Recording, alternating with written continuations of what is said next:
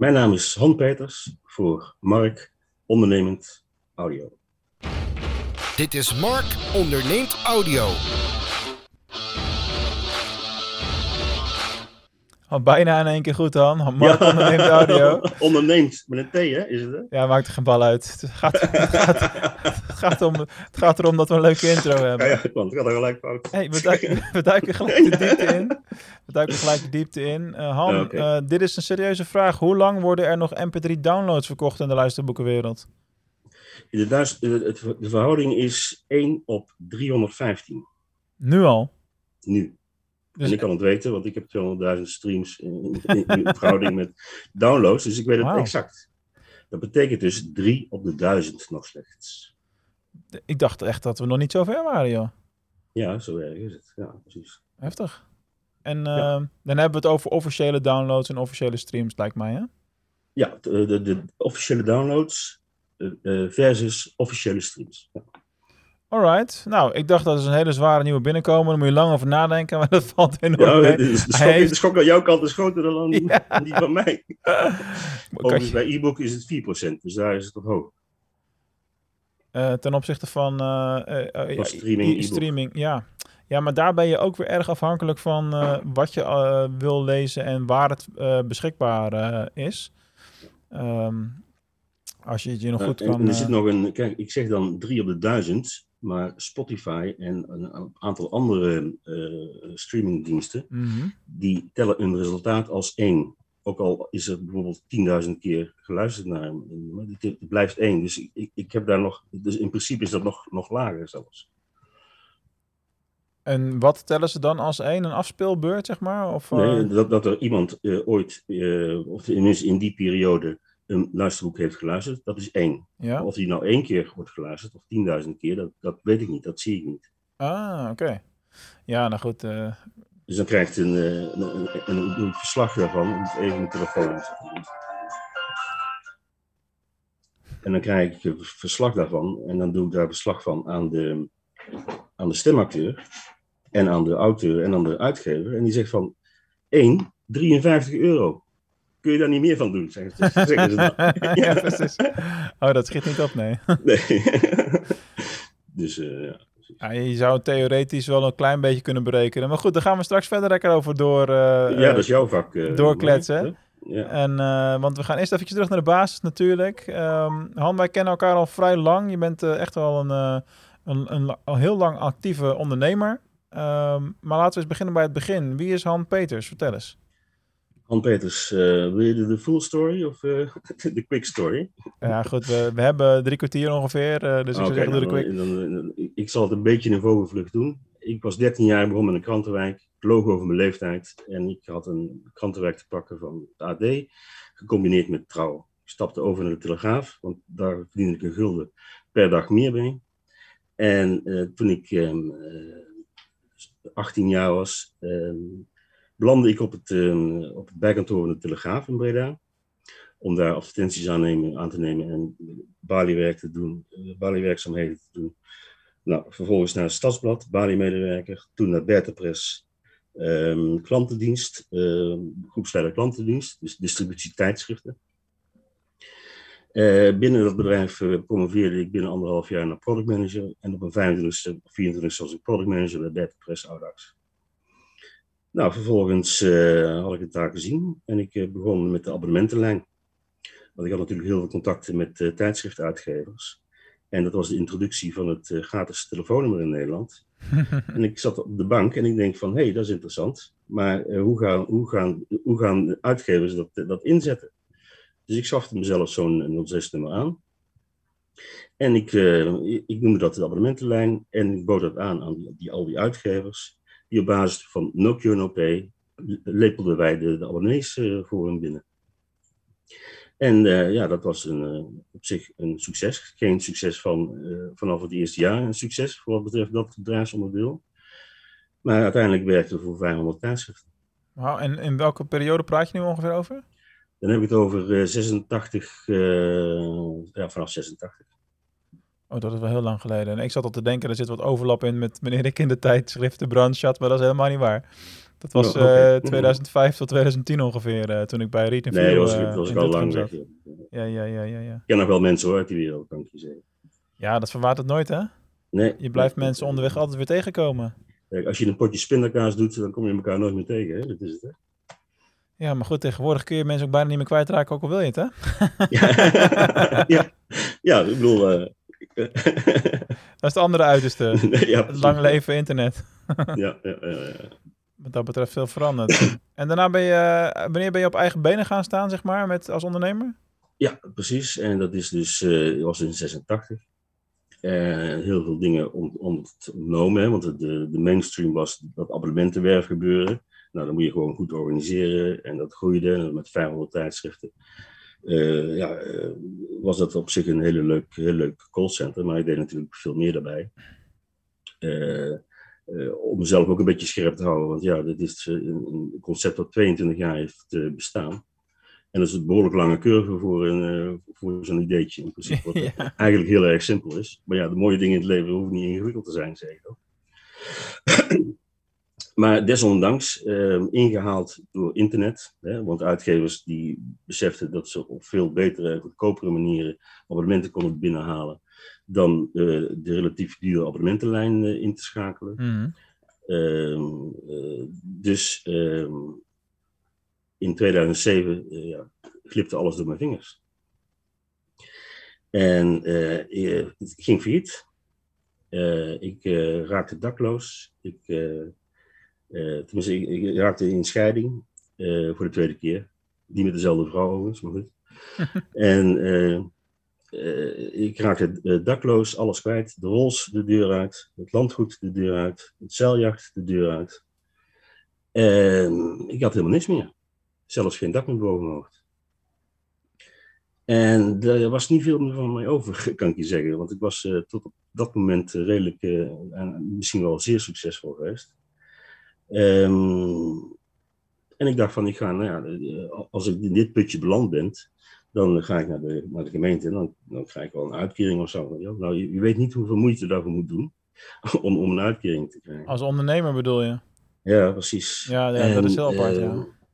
In 2000, eind 2009 was het eh, moment daar dat ik het echt niet meer zou zeggen. Ik had zo verschrikkelijk veel tegenslag eh, ondervonden. Dat ik beloot en belo- eh, dat ik me, ik krijg nog steeds een dikke nek van, Mhm. dat ik besloot ehm, eh, eh, een einde aan mijn leven te maken.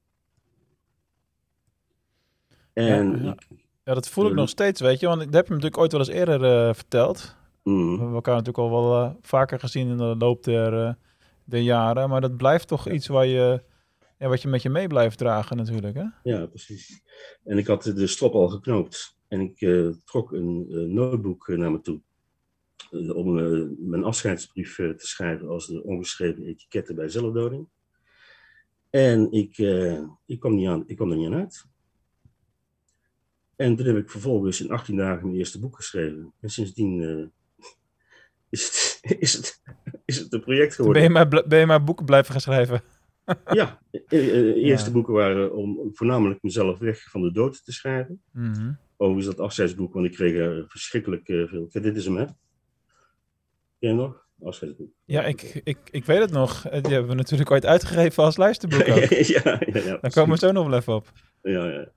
En, ehm, dus, eh, en ik kwam in het wereldje terecht van, van, van, van schrijvers die allemaal hetzelfde probleem hadden. Productie, distributie, verkoop, redactie, noem maar op. Dus ik, ehm, ik dacht van nou, ik ga, eh, ik, ik ga er iets mee doen. Hè. Ik had mijn eigen boeken natuurlijk. Ik zag welke fouten eh, uitgevers en clusteruitgevers eh, maakten. Ik denk van, ik kan veel beter en veel slimmer. Dus ehm, uiteindelijk in 2012 eh, starten we met Cluster-effect, een clusteruitgever. En wat doet een clusteruitgever? Een clusteruitgever is het voorportaal voor het CB, waardoor ehm, eh, aangesloten zelfuitgevende schrijvers en kleine uitgevers eh, toegang krijgen tot eh, het CB op een soort van abonnementsbasis, zeg maar. Mhm. Eh, en dus voor niet al te veel volledig gebruik kunnen maken van ja, de, de, de spanbreedte die het CB nu eenmaal heeft in, in deze markt. In principe is het de, de grote spin in het web, hè? je komt er niet omheen. En nou, in die tijd, 2000, vanaf 2012 zo'n beetje, begon ik ook met die, met die luisterboeken. Samen met jou. Ja. En wij, wij hielden elkaar in de lucht door te, steeds maar tegen elkaar te zeggen: het komt, het komt, het komt. Hè? Want we zagen dat in Amerika gebeuren, we zagen dat in Duitsland gebeuren. Ja, inderdaad. En het kwam niet. In ieder geval niet, in, niet in de volumes die we hadden, voor ogen hadden, laten we het zo zeggen. Ja, precies. En het was in de een overgang van, van, uh, van CD naar, uh, naar de download. Mm -hmm. En toen dachten we, ja, nou, er komt beweging in, het gaat gebeuren. Maar ook dat was, bleef marginaal. Want, uh, en, en, ook de consument was ervan overtuigd dat je blind moest zijn om een luisterboek te kunnen nuttigen. Ja, dat, dat viel rond 2012, 13 in mijn optiek dan wel weer mee. Omdat, uh, goed, ik ben begonnen met die luisterboeken webwinkels in 2004. En uh, wat, wat ik erbij ben gaan doen in 2012 is een uitgeverij dan, zeg maar. Toen, en toen raakten wij aan de praten, zijn we van alles samen gaan doen inderdaad. Dus dat is, uh, ja, in de loop van vijf, zes jaar had ik al wel een aangepast beeld daarvan gekregen. Uh, dat het steeds meer een gemeengoed werd. Uh, maar ja, goed, dan nog, als, je, als je gewoon even me op een meta-niveau gaat kijken, dus met een helikopterview, zie je ook gewoon dat het jaar na jaar gewoon steeds een beetje meer normaal is geworden om audio te consumeren. En dat streaming daar een hele grote rol uiteindelijk in de doorbraak heeft gespeeld, natuurlijk. En ja, tegenwoordig is het bijna uh, ondenkbaar dat je geen podcast meer hebt als ondernemer. Bij wijze van spreken. Terwijl toen ik voor de eerste keer eentje opnam in 2004, 2005, uh, moest je nog ja, je iPod aansluiten op de computer. dan, nou ja, goed, noem het hoop ellende. Voordat je het kon luisteren. Dan komen we door 64, moeten er nog eerst even uitgetrokken worden. ja, we hebben een lange weg ja, afgelegd, om het zo maar te zeggen. Ja, ja, precies. Nou, in, in 2017 kwam Storytel natuurlijk. Hè? En dat is de, de enorme uh, boost heeft dat gegeven aan, aan, het, aan, het, aan het besef ja. dat je iets met luisterboeken kon. Ja, ik vond dat zo maf toen. Je ja, moet je voorstellen dat, je, dat je tien jaar lang in die luisterboekenbranche zit. Je hebt het verkocht, je bent eruit, je bent volledig iets anders aan het doen, in mijn geval. Ja. En dan zie je in één keer reclame voor luisterboek op tv. Dan denk je, ja, hallo. hallo. Had je dat niet even een paar jaar eerder kunnen doen? jong, jong, jong, jong. Dus dat was, uh, was een interessante ontwikkeling. Ja. Maar dat was niet alles. Want in 2018 begon KB, Koninklijke Bibliotheek, met het streamen van, uh, van luisterboeken. Okay. En dat gaf in de aantallen een enorme boost omdat uh, mensen, even om het goed uit te leggen, mensen die lid zijn van een bibliotheek, konden van via de, bibliotheek, de, de, de, van de, de Nederlandse bibliotheek, zeg maar, die konden dus vanuit de app van de bibliotheek zelf ook boeken gaan luisteren. Juist. En wat dus, die hele, wat dus natuurlijk een enorme drempelverlager is geweest voor een hele grote groep ja, mensen. Zeker, absoluut. Ja, ja. ja. En uh, men ontdekte het luisterboek uh, op die manier. Ja, en, en men was in principe al abonnee, hè? dus die, dat stapje was niet zo groot. Ja. En uh, als ik nu over de hele linie bekijk, is uh, ja, zeg maar 75% nog steeds uh, Koninklijke Bibliotheek. 75? 75% van alle streams, ja. Wauw, dat is wel bizar, want je hoort daar letterlijk nooit iets over, commercieel ja. gezien. En met Storytel word je doodgegooid. Dat is wel ja. een bizar groot verschil dan natuurlijk. Ja, precies. Nou, kijk, ook Spotify, je weet het niet, je ziet het niet. Uh, maar die, zijn enorm in op, wat betreft uh, audioboeken. Ja, nou, dat merk je wel bij de podcast hoor. Wij, uh, ja, wij, ik moet zeggen, wij als in de, de Star Wars podcast die ik ook heb. Ik heb vier shows. Ik heb deze show, DGOC Online Marketing Podcast, de Succes met E-commerce podcast. Dat zijn eigenlijk de zakelijke dingen.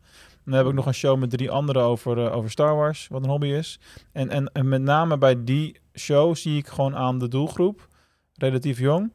Um, dat ja, driekwart luistert nu al via Spotify en niet meer standaard via Apple, wat, ja, wat, waar ik vandaan kom, zeg maar. Ja, ja. Okay. Nou, kijk, um, uh, Spotify uh, is in 2010 rond die koers in Duitsland begonnen met het streamen van, van luisterboeken. En uh, ja, Duitsland is natuurlijk een groot taalgebied, hè? 100.000 spreken, 100 miljoen Duits sprekende wereldburgers. Ja. Um, daar was het luisterboek al doorgedrongen dat je er niet meer blind voor hoefde te zijn. Dus uh, inmiddels, 10, 12 jaar later, is de helft van alle royalties die ze uitbetalen in Duitsland aan audio-uitgevers, audioboekuitgevers. Wauw. Mooi. En die kant gaat het dus op, hè? Ja, goede ontwikkeling, toch? Ja, maar dat is, dat dat een hele goede ontwikkeling. En, eh, dus daar heb ik, en ik zie het ook per kwartaal, zie ik daar de groei in. Dat, dat, dat, dat geeft voor dat segment, dat, die omzetgroep, steeds een verdubbeling te zien. Dus dat, dat, dat gaat gebeuren.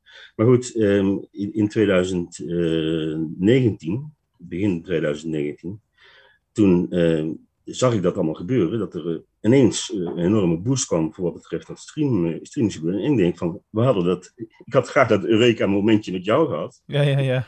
maar, maar je, had wel had je teruggetrokken uit, uit die business. Dus ik haalde, eh, aan wie jij dat overgedragen hebt, haalde ik mijn eh 30 oude producties eh, terug.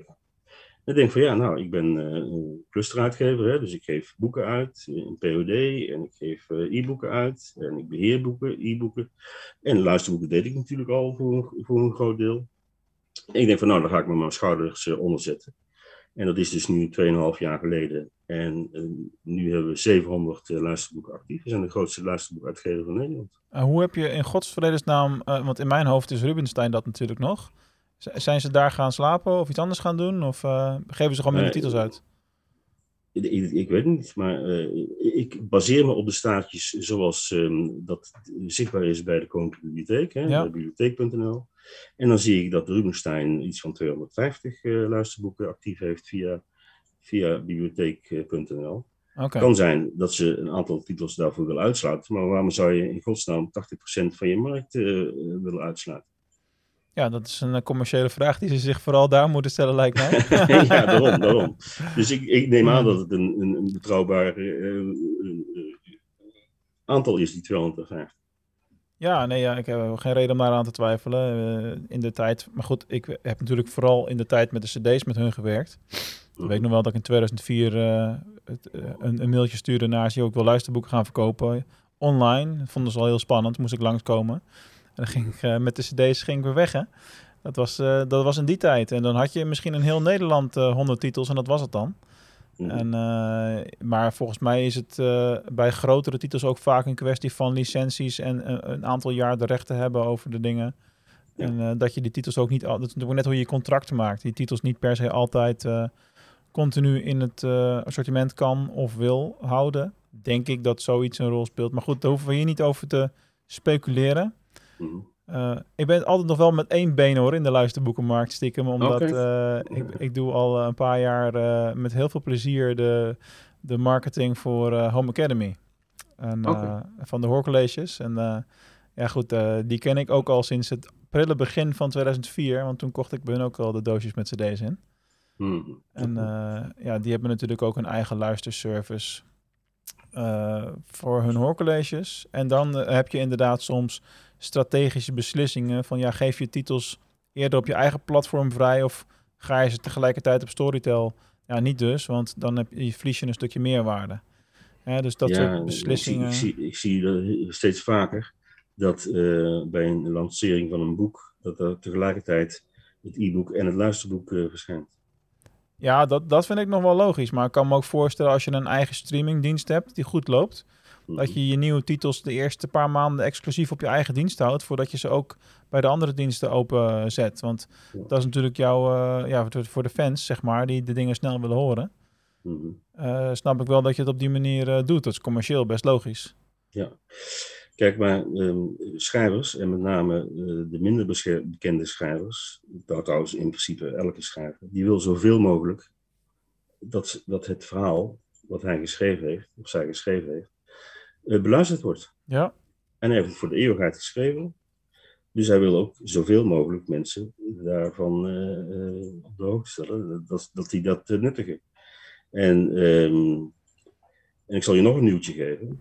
Als je kijkt naar mijn boek, hè, ik heb er veertien geschreven, Mhm. waarvan vier in het Engels zijn vertaald. Ik ken, ik ken honderden eh, schrijvers en, en die zijn allemaal voor een groot deel bij ons aangesloten. Ik zie heel erg veel. ja, ja, tuurlijk. Als ik kijk naar boek, e-book, luisterboek, dan is het fysieke boek 2%, 38% is e-book 60% is luisterboek. Dat is bizar, joh. En uh, ik zit hier nou tegenover jou en je zit ook bijna weer glazig aan te kijken. Dat heb ik doorlopend bij al die uitgevers.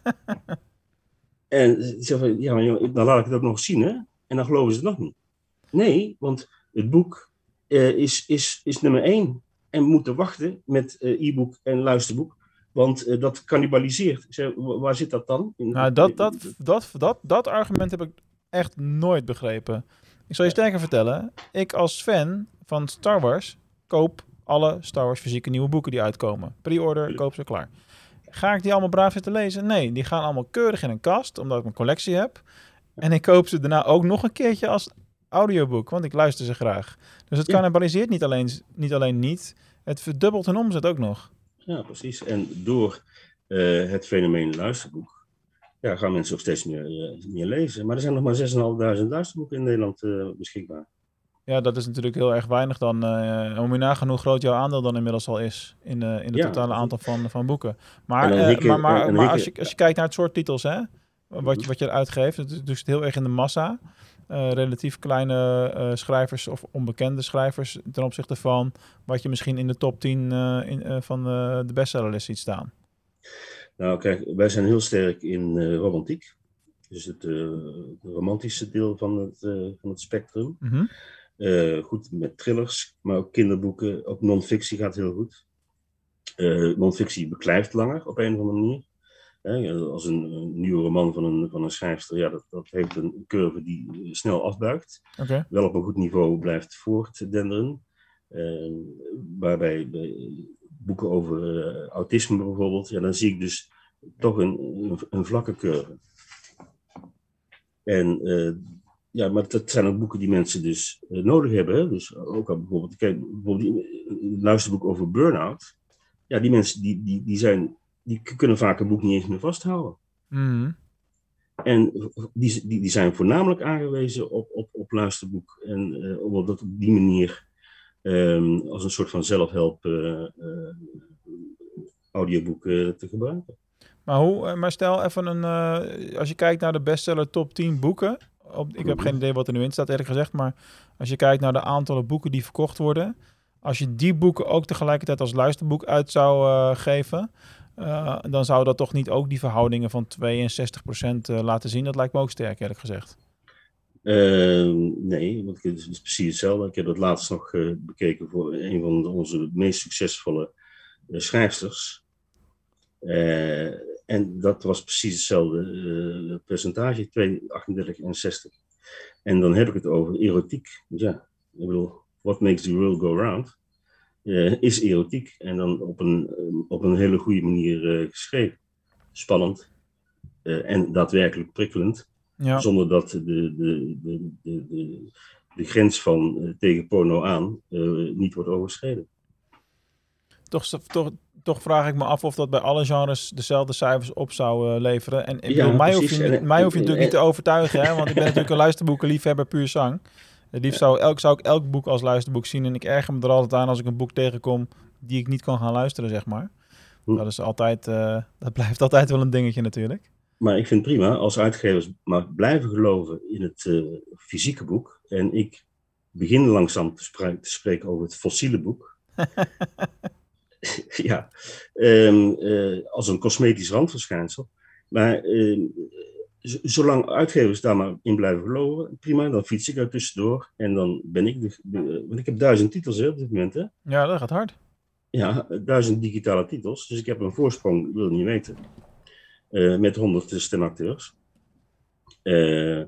dus la, laat iedereen dan maar gewoon geloven in het, blijven geloven in het sprookje van het fysieke boek. Prima. En voor ons is het bijvangst. Ja, en uh, hoe is het tegenwoordig ingericht? Want uh, toen wij uh, daar samen in optrokken, en, uh, want ik had natuurlijk mijn eigen uitgeverij toen. En ik geloof dat 30 of 40 procent van de titels die, we uitgaven, die ik uitgaf, gingen met jou samen. titels vanuit jou. En ik had ook allerlei andere titels natuurlijk nog daarnaast. Um, ja, ik werkte vaak met stemacteurs samen die hun eigen studio hadden vanuit die studio de opnames uh, verzorgde. Dan konden we de bestanden verzamelen. Dus eigenlijk al hè, zes, zeven jaar geleden, wat nu heel normaal is, het op afstand werken. Dat deden we toen al.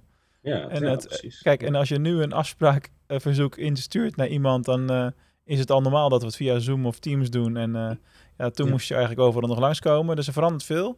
Maar hoe, hoe werk jij nu met stemacteurs? Is dat nog steeds op die manier?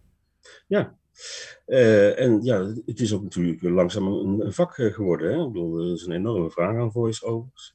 Mensen vinden het ook prettig om eh, van thuis uit te kunnen werken. Ja, Eh, behalve natuurlijk als er krassende duiven op het dak zitten of dat soort dingen. Of dat het toevallig bij de buren een flinke verbouwing gaande is. Ja, dan ja, wordt het wel tot op frustratie eh, leiden. Ehm, ik heb 100 ehm, eh, stemacteurs aan me verbonden. Ik werk samen met eh, Radio Studio Oranjeoord en Hoorcollege, eh, Voice-Over College. Eh, die leveren mij cursi- afge- afgestudeerde cursisten aan. gaaf. Ehm, die, die natuurlijk heel eh, eh, graag hun portfolio invulling geven. Ja, Met een interessante luisterboek, want dat kun je laten, laten zien. En dat is, en het gebeurt nog steeds volledig op basis van royalties. moet je nagaan, hè? Dat model hebben we toen... eh, je hebt eigenlijk gewoon het model wat we toen samen hebben opgepakt. en je bent gewoon lekker stug doorgegaan en nu is het tien keer zo groot. Daar komt het natuurlijk op neer dan. Nou, honderd keer zo groot. Ja, in aantal titels. In een aantal titels toch niet honderd keer al. We hadden toen ook al... eh, ik geloof ik- dat... ik- ik heb mijn uitgeverij toen verkocht met 80 titels erin, geloof ik. Zoiets. Ik heb er nou eh, 700. Ja. En onze reguliere groei is 350 nieuwe luisterboeken per jaar. Elke dag één, hè? Elke dag één. Ja. Buiten de e-boeken en de, en de fysieke boeken, die ook gewoon natuurlijk blijven doen. Maar is het tempo dan onlangs flink verhoogd? Eh, Of, of Ja, gaan er ja, ook veel boeken wat van de markt af weer? ik kom bij uitgevers en ik zeg van, ik kom geld brengen. Je hoeft mij niets te betalen. Ik zorg voor een professionele opname van, jou, van jouw boek. Eh, ik verkoop het en je krijgt per kwartaal krijg je keurig je, je, je omzet Ja, uitgekeerd. ja. Eh, dus het, het gaat ook regelmatig over backlist eh, titels. Waar niemand meer naar omkijkt. Maar dat zijn goede verhalen. Ja, zijn, nee, zijn ja, nog steeds. dat, hoef je mij niet uit te leggen. Hele series vaak, hè? ja, precies. Als iemand En- dan een keer begonnen is, dan weet je zeker dat ze allemaal geluisterd worden. Ja, daarom. Dus ehm, uitgevers weten wij eh, eh, bijna als vanzelf te vinden. Gaaf hoor. Mooi om te zien eh, en te horen, in dit geval natuurlijk, podcast, Mhm. hè, dat, dat het zo door is gegaan. En dat, dat het gewoon lekker door is gaan, gaan groeien. Ik heb zelf natuurlijk andere keuzes gemaakt. Ik ben het onderwijs deels ingegaan. En me volledig gaan storten op die online marketing en e-commerce marketing wereld. Ja, een mens kan nu eenmaal niet alles tegelijk doen. Hè? Dat is toch wat het is uiteindelijk. Ja, precies. Je moet keuzes maken. Hè? Want ik hoorde jou ergens zeggen 20-80-regel. Ja, die is gewoon nog steeds overal van toepassing. Ja, En als je 80% van je tijd moet besteden aan 20% van je omzet, ja, dan, eh, dan wil je wel eens tegen het plafond oplopen. Hè? ja er zijn allerlei plafonds eh, waar je tegenaan loopt inderdaad. Dat klopt wel, ja. Ja, nee, goed. eh, ik heb destijds gewoon die keuze gemaakt. En dat eh, was eh, en is nog steeds overigens, want het gaat hartstikke lekker. Eh, voor mij gewoon een hele logische en hele goede keuze. En eh, ik heb iets anders moois opgebouwd. Maar daar praat ik in andere shows wel over. Daar heb ik nou nog geen tijd voor. Hey, eh, even een aantal flinke stappen terug. Want je vertelde natuurlijk je hele pittige verhaal over de, ja, de, de oude successen en, en hoe diep je dan kunt, kunt, kunt vallen. Ik denk dat er geen of weinig ja, betere voorbeelden in, in Nederland zijn van ondernemers die die grote verschillen hebben meegemaakt in hun eigen leven. Ehm, daarna ben je, denk, eh, heb je, ben je heel sterk weer, weer omhoog gekropen, letterlijk bij, wij- bij wijze van spreken. Mhm. Eh, eh, wat voor dingen heb jij bijvoorbeeld in je mindset gedaan om, om er weer bovenop te komen? Heb je dingen veranderd? Ben je anders over dingen gaan, gaan denken? Of, of heb je andere dingen waar je gelukkig van, van werd, zeg maar, gevonden? Of hoe, hoe gaat zo'n proces? Nou, nou, in, in mijn hele leven ben ik een paar keer miljonair geweest. En het is verschrikkelijk leuk om dat te worden. Om het te zijn is het verschrikkelijk. Oké, En eh, ik had dan eh, die twee keer dat het mij overkomen is, dan de, eh, ik, ik werd er destructief van. Dan liet ik het gewoon lopen, want dat was niet meer interessant, weet je wel. En ehm, dan, dan probeerde ik het gewoon zo lang mogelijk te rekken, totdat ik weer iets anders eh, leuks eh, zag, zag opkomen. Maar de spanning zit in het geld verdienen. Het is, het is, het is voor mij niet eens verdienen, want het interesseert me eigenlijk geen ene moer. Maar ik verzamel geld, dat is het eigenlijk. Ja, ja, ja. en dat gaat met centen, dubbeltjes, kwartjes. Maar als die storm per dag maar groot genoeg is, dan heb je uiteindelijk een mooie zak geld natuurlijk, toch? Ja. Niet dat ik daar vreselijk rijk van, van ben of word. Maar eh, ja, die kans is natuurlijk wel weer aanwezig. Ik, ben dan weer voor de derde keer dat, eh, dat stapje te maken. Mhm. Maar het is, als je eenmaal eh, zoveel geld hebt, ja, het is hartstikke vervelend. Wat voor. Iedereen loop je dan te maar, loop je dan tegen andere uitdagingen aan, zeg maar? Als, als in de. Want de reis klinkt voor jou als iets fijners als er zijn. Ja. Maar dan is het maar goed dat je voor luisterboek hebt gekozen, want dat is een hele lange reis. ja, toch? Absoluut. ja, ja. Dus ehm, ja, en ik, ik ben uit het type onkruid vergaat niet. Iemand schreef ook, die Peters, eh, met, met, met die stop in zijn handen, het meest trieste moment in zijn leven heeft hij nog een project van gemaakt en dat is gelukt. Ja, mooi is dat.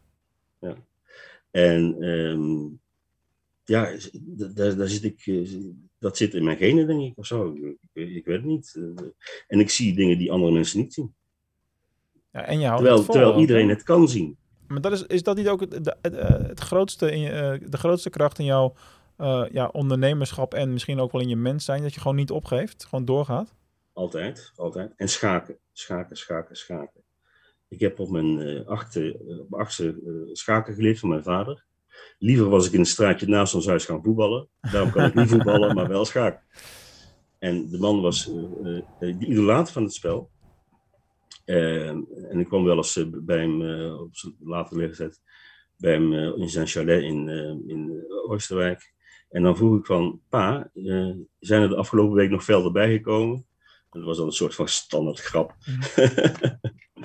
maar ehm, hij, werd, hij werd ook eh, docent eh, schaken. Eh, Hij heeft ook een bevoegdheid voor gehaald. Eh, hij heeft diverse verenigingen aangestuurd. Hij gaf ehm, kinderen, honderden, honderden kinderen heeft hij schaken geleerd.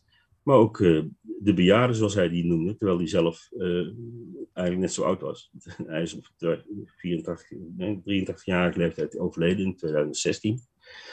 En nog niet zo lang daarvoor ging hij nog steeds naar de bejaardencentra en naar de verzorgingscentra om mensen daar het schaakspel bij te brengen. Mooi.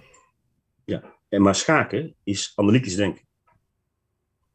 En eh, als, je, als je weet wat, je- wat de tegenstander kan doen, Mhm. en welke mogelijkheden je hebt, en hoe je daarop anticipeert. En, en zo heb ik eigenlijk heel mijn re- leven ingericht. Als iemand dat doet, en ik doe dat, wat gebeurt er dan? Dus ik ben doorlopend op een Socratische wijze mijn eigen waarheid ben ik aan het zoeken. Ja. En daarom ben ik ook schrijver kunnen worden, want ik stel mezelf de vraag van waarom is dat zo? Ehm, eh, en ik stel me de, de tegenovergestelde vraag en vind daardoor mijn eigen waarheid. Dat hoeft niet de waarheid te zijn, maar wel een waarheid waar ik iets mee kan. En eh, ja, anders kun je ook geen 14 boeken schrijven, hè? zowel fictie overigens als non-fictie. Ja, dat is in ieder geval een hogere productiewaarde als de- dat ik heb, want ik broed al eh, drie jaar op mijn derde boek, geloof ik. Oké, nou, ik geef het wel uit hoor, ik zeg, ik zeg het maar.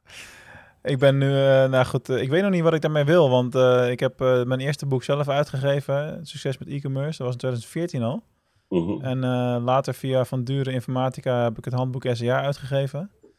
Eh, dus het zijn wel non-fictieboeken die ik maak. Hè. Ik ben geen eh romanschrijver of zoiets. Nee. Eh, maar het volgende boek moet simpelweg Succes met e-commerce 2 worden.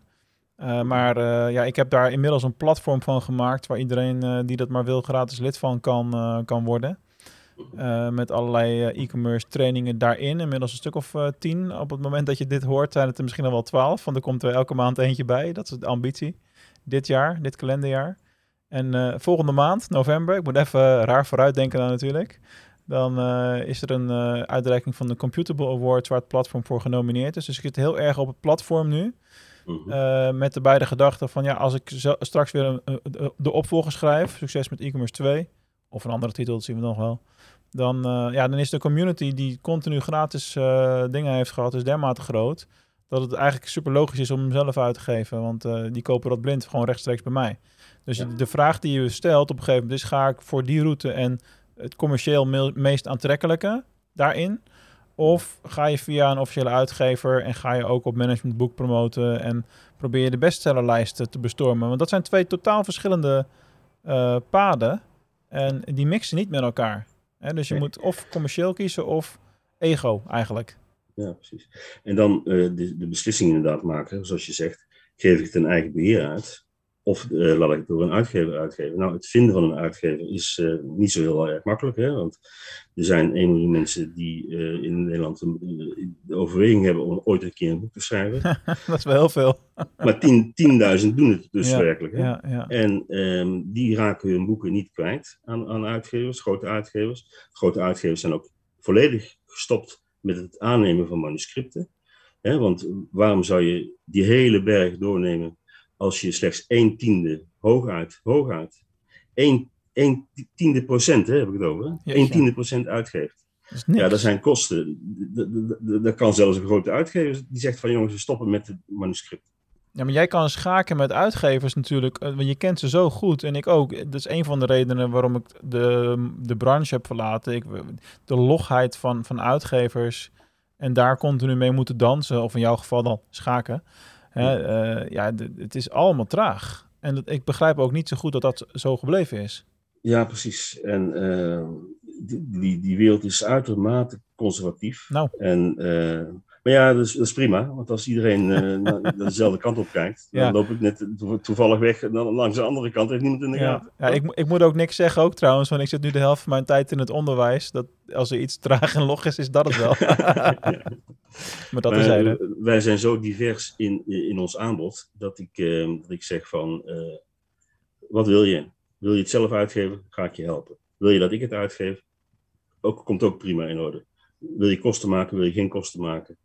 Alles kan. Ik heb zelfs schrijvers die eh, boeken in eigen beheer uitgeven, maar een, een aantal die door mij uitgegeven worden.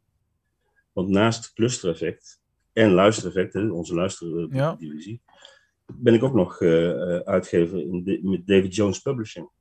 Ja, met, ik zag eh, de naam Aad Vlag daar weer voorbij komen. Die ken, Ja, ik, die ken ja, ik ook nog wel van vroeger. Dat is, hij is allerbeste vriend. eh, ja, die, doet, eh, die heeft iets van elf, elf boeken geschreven. En die zijn nog steeds actief als boek Mooi is dat. en als luisterboek.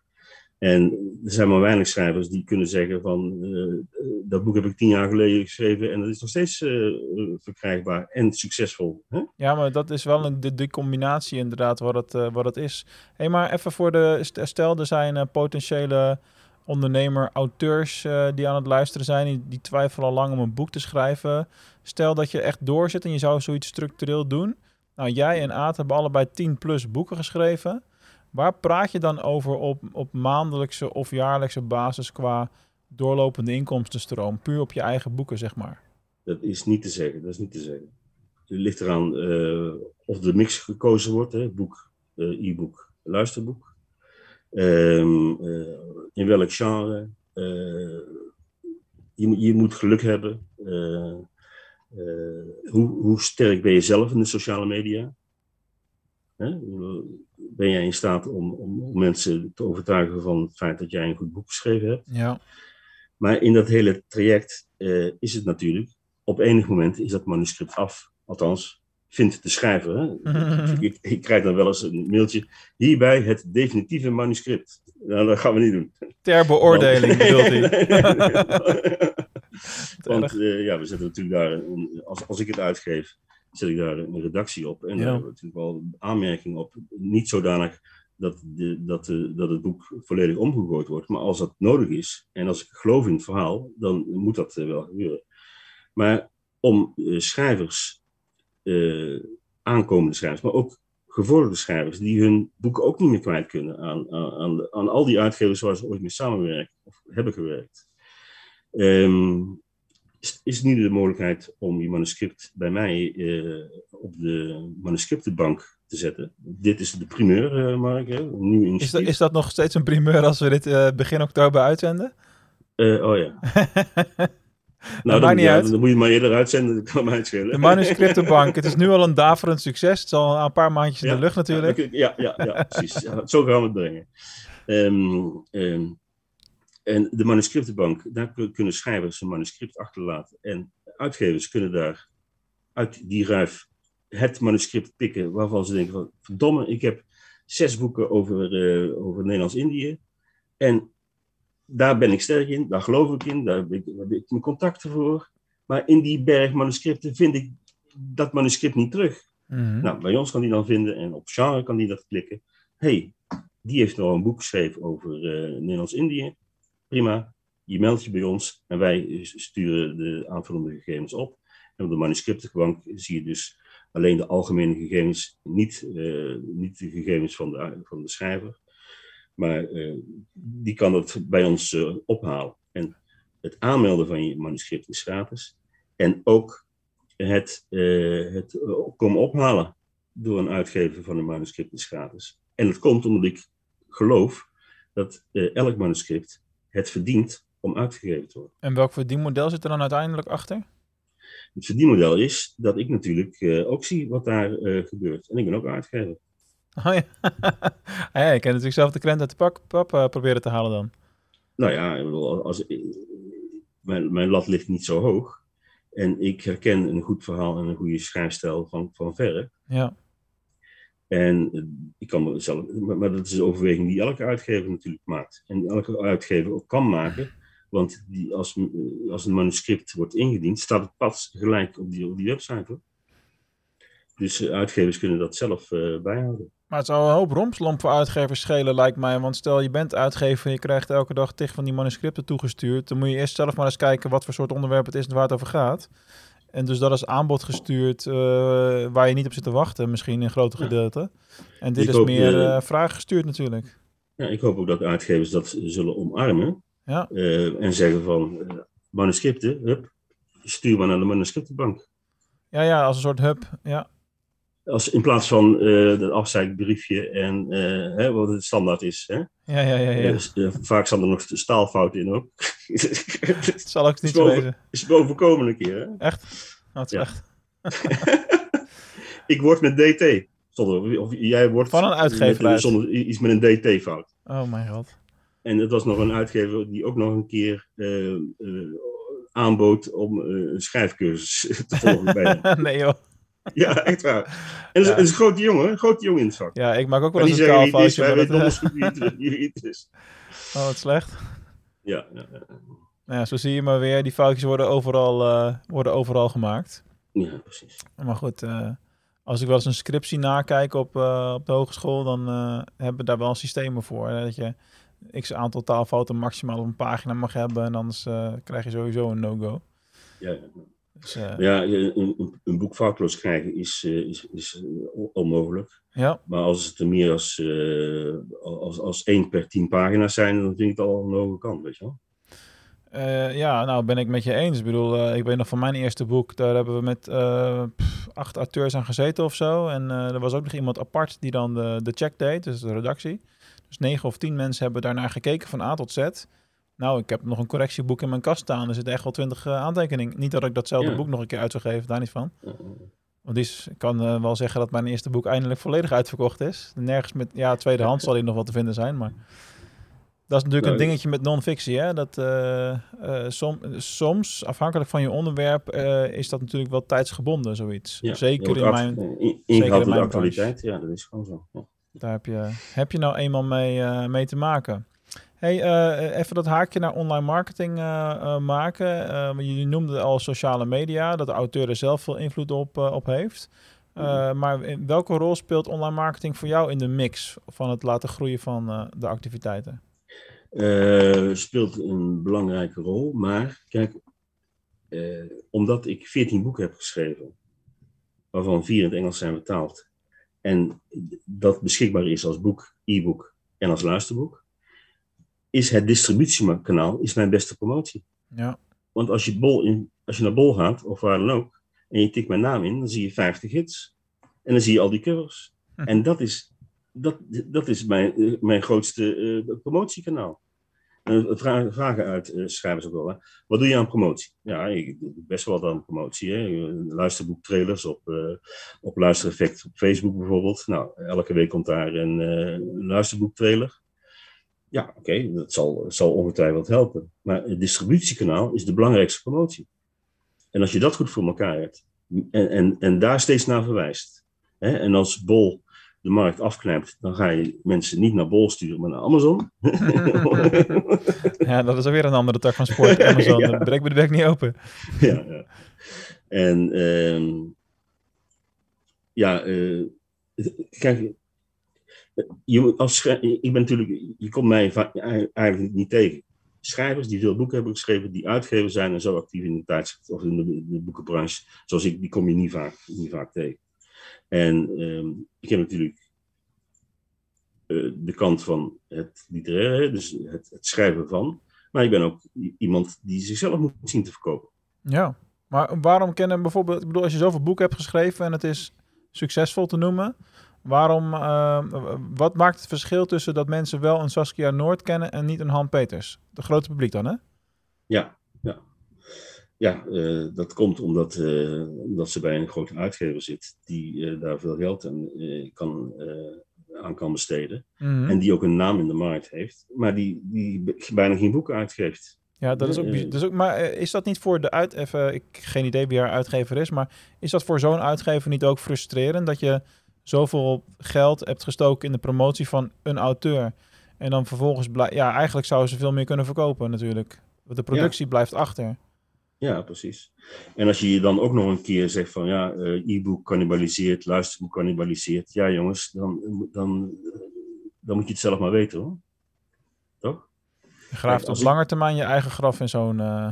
Kijk, als het 2% van mijn boeken fysiek zijn, en als dat ook voor Saskia Noord het geval is, dan hoeveel, hoeveel lezers en schrijvers, of lezers en luisteraars missen dan? Maar voor haar is het niet meer zo belangrijk om bekend te zijn, want ze is al bekend. Ja, ja oké, maar goed, je moet daar natuurlijk eerst komen. Hè? Dat is natuurlijk, ja. uh, daar begint het altijd mee. Om je een idee te geven, ik, um, uh, mijn boeken worden per jaar 10.000 keer geluisterd en uh, gelezen. Dat zijn toch serieuze aantallen hoor. Nou ja, ik, bedoel, ik, vind het op zich redelijk weinig. Maar als ze allemaal op de koffie komen zijn... Het ja. ja, ja, je kunt ahoy vol maken. ja. ik snap dat je het redelijk weinig vindt. Maar kijk, je moet het in perspectief uh, uh, zien. Eh, als een Saskia Noord of een Michael Pilatschik een boek uitgeeft... ja, dan bereikt dat gelijk uh, tienduizenden mensen, zeg maar. Want die hebben die naam natuurlijk al. En als jij die zou jij die sprong ook willen maken... naar die grote mate van bekendheid? Of heb je zoiets van, nou, ik vind het nou, eigenlijk wel lekker? Ik ben begonnen uh, met het schrijven van het boek. En ik kreeg mijn boek niet uh, uitgegeven door een grote uitgever, ja. die ik voor ogen had. Ja. Ik denk van, ik heb een fantastisch boek geschreven, waarom wil je mijn boek niet uitgeven? Nou, goed. Uh, toen dacht ik van, nou weet je wat, dan word ik dus zelf gewoon een grote uitgever. Maar de tragiek is van mij, ik ben nog steeds dezelfde uitgevende schrijver. Want ik heb geen, ik heb geen, geen andere grote uitgever boven me. En uh, als, er, als een grote uitgever zich meldt voor mijn fonds, ja, dat ga ik niet doen. Nee, eh, de huidige, op de huidige plek waar jij nu staat, zou dat ook totaal niet logisch zijn. Ik bedoel, nee. even linksom of rechtsom, maar als jij, als je alleen al, want dat was destijds uh, ook altijd mijn gedachte met de luisterboeken, uh, passief inkomen creëren. Dat is de, een van de dingen die ik voor ogen had toen ik de uitgeverij erbij opstartte toen. Uh, want ja, stel je geeft niks meer uit, maar het wordt nog steeds in de loop van de jaren wel allemaal geluisterd. Er blijft inkomen uitkomen. Ik kijk ook wel eens heel erg verbaasd op als ik nu nog wel eens een afschrift krijg van, uh, van, een van, van royalties van een van mijn boeken die ooit uitgegeven is, of, uh, ja. of een audioversie daarvan. Nou, on, wij werken met royalties voor schrijvers, uitgevers, stemacteurs en zelfs onze eindredacteur oh, ontvangt royalties.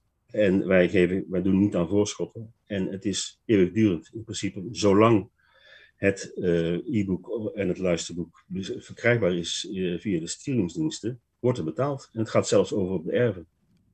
En dat is wat jij bedoelt met passief inkomen. Ja. En daarom is, zijn uitgevers willen dat graag met mij, of de stemacteurs graag met mij samenwerken. Ja, het is niet de, de, de hoofdprijs, maar over, over 20 jaar, 30 jaar, mijn, mijn, mijn eigen luisterboeken van 10 jaar geleden lopen nog steeds, zelfs ja, steeds ja, beter. Ja, uh, krijgen ze nog steeds elk kwartaal een, uh, een creditnota en het geld gestort. Ja, mooi is dat, hè? Dat is inderdaad een prachtig systeem nog steeds. hey, maar je hebt, het al, je hebt het over erven. hoe, heb, je, heb je dat in je eigen uitgeverij geregeld?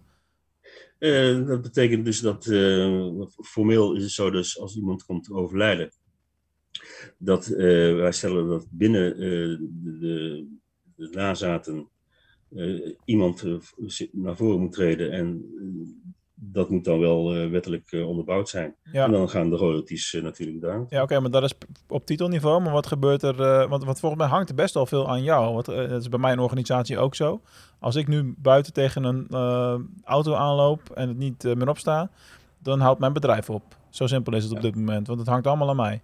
Is dat bij jou ook zo? Nou, ik heb een fantastische vriendin. En met haar samen doen we dit, dit hele gebeuren. Oké. Zij voornamelijk voor wat betreft de, de administratie en eh, zij verzorgt ook vertalingen. Ehm, eh, het is een. Kijk, die boom staat er hè, nu met duizend digitale Ja, daarom, daarom. Nou, Kijk, ik denk dan gelijk En als, als lange termijn. Dan zal het in de groei eh, ongetwijfeld wat tegen gaan vallen. Maar die boom staat er toch. Dat bedoel ik. Dat was mijn en hele die punt. blijft maar doorlopen. Ja, toch? ja, ja. Dus alle moeite die ik nu in de afgelopen ander, 2,5 jaar, en het was echt keihard werken, en het is geen geld overhouden, dus elke keer weer opnieuw investeren. Ik weet het. Eh, ik weet het. Ja, en dat maakt het ook zo leuk. Ehm, is het zo dat, ehm, ja, dat, ik, eh, dat ik niet weg moet vallen natuurlijk. Eh, maar ja, ja het, en het, het boekenvak is godzijdank uitermate ingewikkeld. En eh, daar ben ik het CB dan ook verschrikkelijk dankbaar voor. Ja. Want als het zo makkelijk was, dan zou, zou heel veel meer mensen eh, opereren zoals ik dat doe. Eh, ik ik la, las, las laatst van, om, om het CB te kunnen doorgronden, moet je een rocket scientist zijn. Nou, daar ben ik dan. ja, dat klopt wel. Ja. Het, is, het is geen sinecure om met het CB samen te werken. Dat, Maar ook alle andere invloeden hè, die er zijn. Hè, en belangen. En werken ook met heel veel platformen, zoals eh, Sp- Spotify, eh, Storytel, eh, Bol.com, Kobo Plus en zo. Audible, ook van Amazon inmiddels? Audible, ehm, ik ben bezig geweest met Audible in Berlijn. Ja. Ja. Want ik dacht van nou, er zijn steeds eh 400.000 eh, Nederlanders die zich doorlopend in het buitenland bevinden. Die wil ik bereiken. Want het is, vervolgens eh, kreeg ik een overeenkomst. En toen kreeg ik een brief van de Duitse Belastingdienst. dat ze iets van mij wilden met allerlei stempels erop. Nou heb ik de Tweede Wereldoorlog niet meegemaakt. Maar met mijn haren rezen te bergen. Oké. Dus ik zeg van, weet je wat je doet, uh, Audible, kom maar fijn naar Nederland. Dan, hang ik, eh, hè, dan ben ik een van de eerste die tegen die tijd met een paar duizend titels eh, jullie, eh, jullie eh, dat is nog steeds eh, niet, dat is nog steeds niet gebeurd. Nee, maar ze hebben ook een heel vreemd en afwijkend abonnementensysteem. Ja, ze weet werken dan met, met credits. En dat, Ja. dat, ja, dat snappen wij niet in Nederland. Als er al, al acht eh, streamingsdiensten zijn waar je per maand keurig Nou, dag... eh, Ik kan het wel uitleggen, want ik ben al eh 15 jaar lid of zo. Hm. Eh, nee, ik heb laatst toevallig nog eh, mijn credits verlengd met twee jaar, waardoor je echt, eh, maar, eh, echt een behoorlijk korting krijgt op de prijs per credit. Een credit is één stuk, daar kun je, daar kun je inwisselen voor een digitaal luisterboek. En eh, ik had er dan 24 in één keer gehaald, dus ik je een tijdje vooruit, zeg maar. En ehm, voor mij is de redenering heel erg simpel, want ik ben nog wel van een generatie die enigszins waarde hecht aan bezit. Dus ook als ik mijn, eh, want ik was al eh, 15 jaar geleden lid van Audible en toen ben ik een tijd gestopt. Maar twee jaar later werd ik weer lid. Maar eh, in de tussentijd kan ik gewoon nog steeds bij alle titels die ik ooit heb aangeschaft. En dat vind ik wel een lekker iets. En dat is het grootste verschil met streamen. Eh, en tegelijkertijd is het ook een systeem wat, wat online werkt. Dus ik hoef niet de dingen op te slaan op mijn apparaat. Nee hoor, ik kan gewoon nieuwe iPad, nieuwe telefoon, whatever. Dan kan ik nog steeds bij de luisterboeken komen die ik tien jaar geleden heb gekocht. En dan kost het me niks. Hm. En eh, dat zit een beetje in het verzamelaar, eh, verzamelaarsaspect. Ja, ik heb altijd wel dingen verzameld. En ja, als het dan even specifiek over Star Wars gaat, die luisterboeken zijn alleen via deze route te verkrijgen. Dus er is, niet, er is ook geen alternatief voor. Dus ik moet wel naar Audible, sowieso. mhm. Maar inmiddels heb ik zo'n ja, grote collectie opgebouwd. Mijn zoon is ook Star Wars fan inmiddels. Ja, als hij over tien jaar denkt, eh, ik ga ook maar beginnen met luisteren. Dan eh, ja, kan hij zo mijn collectie, eh, net als een, gewoon een normale boekenkast. Dat kost al niks. Ik ben- over tien jaar is jouw zoon eh, een puber en die wil helemaal niks van jou. die dat zegt we- van pa, wat op met je. Zien we het dan alweer. Star Wars. Ja, dat, dat, maakt, dat maakt niet zo heel veel uit. oude zooi. ja, Nou ja, dat, dat zou kunnen, dat valt niet uit te sluiten. Maar goed, het gaat, even, gaat even om het idee, weet je wel. ja, ja, ja, ja. Dus het gaat om het bezit. Ik, ik doe dat met, eh, Eh, met luisterboeken doe ik dat dus. Uh, Mhm. En ook met, maar dat doe ik pas sinds kort, met comics. Ik heb nooit comics gelezen. En iets heeft me er altijd van weerhouden om ze fysiek te kopen. Ja, dat zijn dunne papiertjes, dat wordt rommelig, het lijkt me niks. Maar nu, nu, omdat ik die podcast over Star Wars ook heb, ben ik me in steeds meer verhalen aan het verdiepen. En in die comics zitten gewoon echt wel heel veel hele goede verhalen verstopt. Ja. Dus ik ben lid geworden van uh, uh, uh, Comixology, wat ook weer van Amazon is uiteindelijk en Audible ook. Dus je komt elke keer bij Jeff Bezos uit, uit aan het eind van de dag. Ja, ja, ja. Rechtsom of rechtsom. En, en daar koop ik dan de, ja, de Star Wars uh, issues uh, los of als collecties of whatever. Mhm. Alleen daar bestaat wel zo'n streaming abonnementdienst voor. Maar die hebben ze dan weer alleen in Amerika. Dat is weer een rechte kwestie. Dus dat is best ingewikkeld.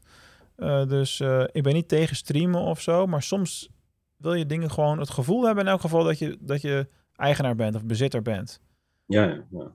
nou ja, heel veel mensen hebben dat niet, denk ik. Hè? Klopt. En dat hele streamen heeft natuurlijk de piraterij. Ja, de piraten zijn uh, hè?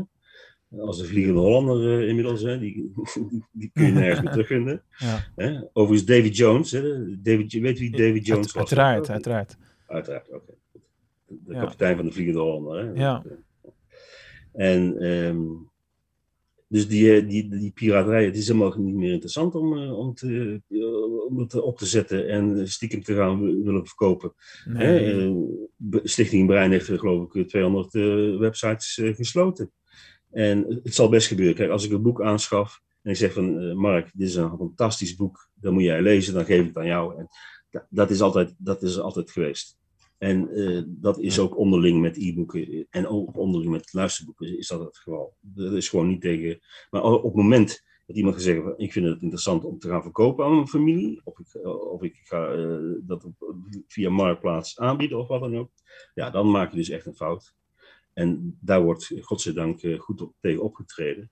Ja. Uh, met, met boetes tot een paar honderdduizend euro die brein je op kan nemen. Ja, tegenwoordig zitten in die luisterboeken ook al uh, audiostempels, toch? Dat je kan uh, terughalen Ja, ja, waar precies. iets gekocht is, uh, Ja, ja, bijvoorbeeld. ja, dat klopt. Ja. Het zijn de, de digitale watermerken die erin zitten. Ook een beetje een raar woord trouwens, audiostempel. ja dit is watermerk, zeg Ja, ja, ja. watermerk. Ook, ook weer een raar woord, precies. Ja, nou ja, het is een goede ontwikkeling. het is in ieder geval linksom of rechtsom. Er zijn tig manieren om, uh, om die content uh, te consumeren. Streamen, downloaden, wel geen bezit. Het maakt er allemaal uiteindelijk niks, uh, niks uit.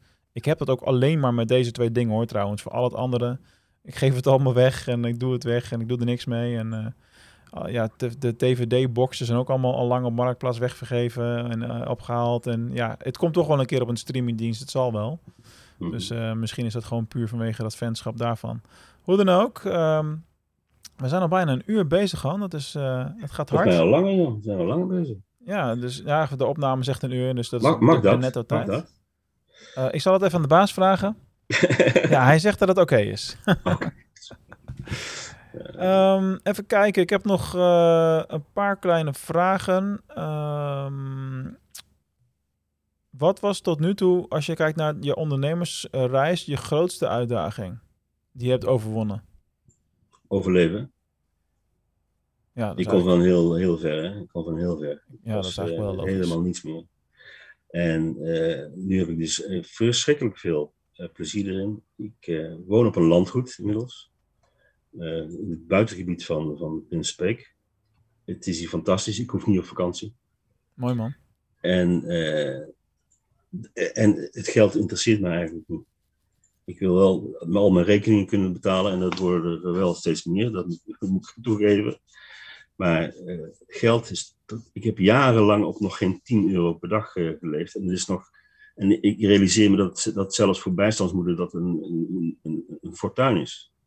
Ehm, dus ik heb die andere kant van, van rijkdom eh, gezien. Mhm.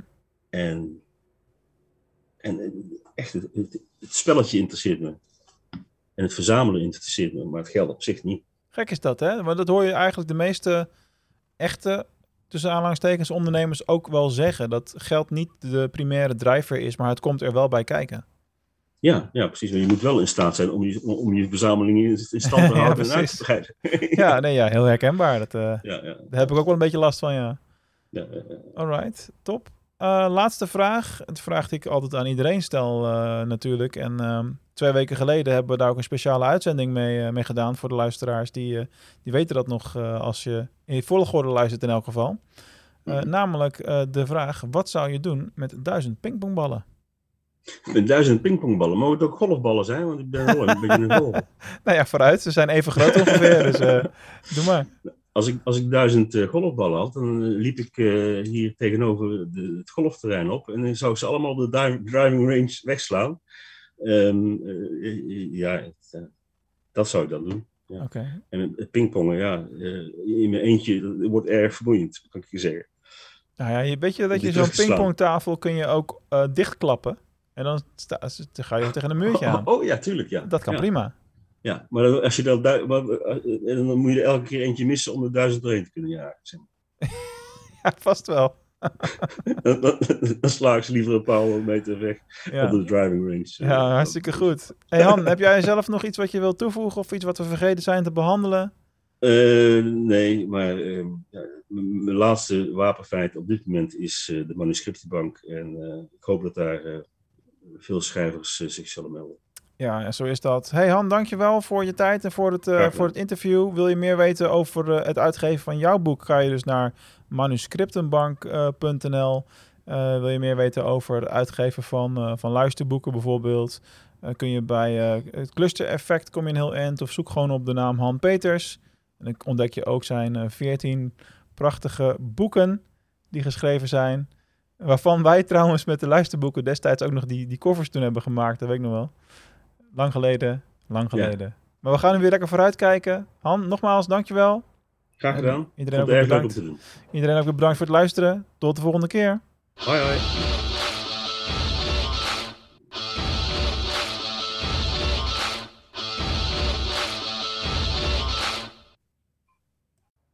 Bedankt voor het luisteren naar Mark Onderneemt Audio. Ik hoop dat je weer vele inzichten hebt kunnen verzamelen uit dit interview met deze toffe ondernemer wat je net hebt kunnen horen. Denk je nou, ik kan ook wel wat hulp gebruiken in het ondernemerschap en wie weet is die Mark wel een goede coach voor mij?